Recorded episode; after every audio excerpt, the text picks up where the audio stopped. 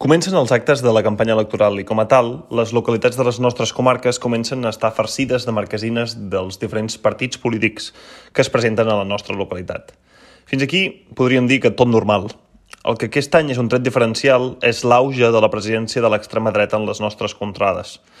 Les marquesines de Vox han començat a aparèixer en els nostres pobles – però no només ells, sinó també aquelles formacions que, sota la bandera independentista, també proclamen discursos d'odi i dels quals no hem de tenir cap por a determinar com a extrema dreta, com per exemple Aliança Catalana.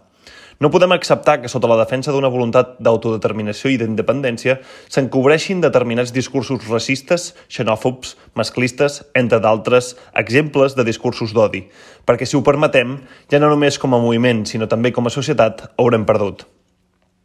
Siguin quines siguin les sigles, siguin quins siguin els colors de la bandera nacional que defensin, el fet de veure marquesines d'organitzacions que defensen posicions feixistes als nostres pobles ens mostra la gravetat del problema. Ens denota el terreny guanyat per part dels partits d'extrema dreta, però el més important de tot, ens denota com el vot a l'extrema dreta no és un fet anecdòtic ni residual.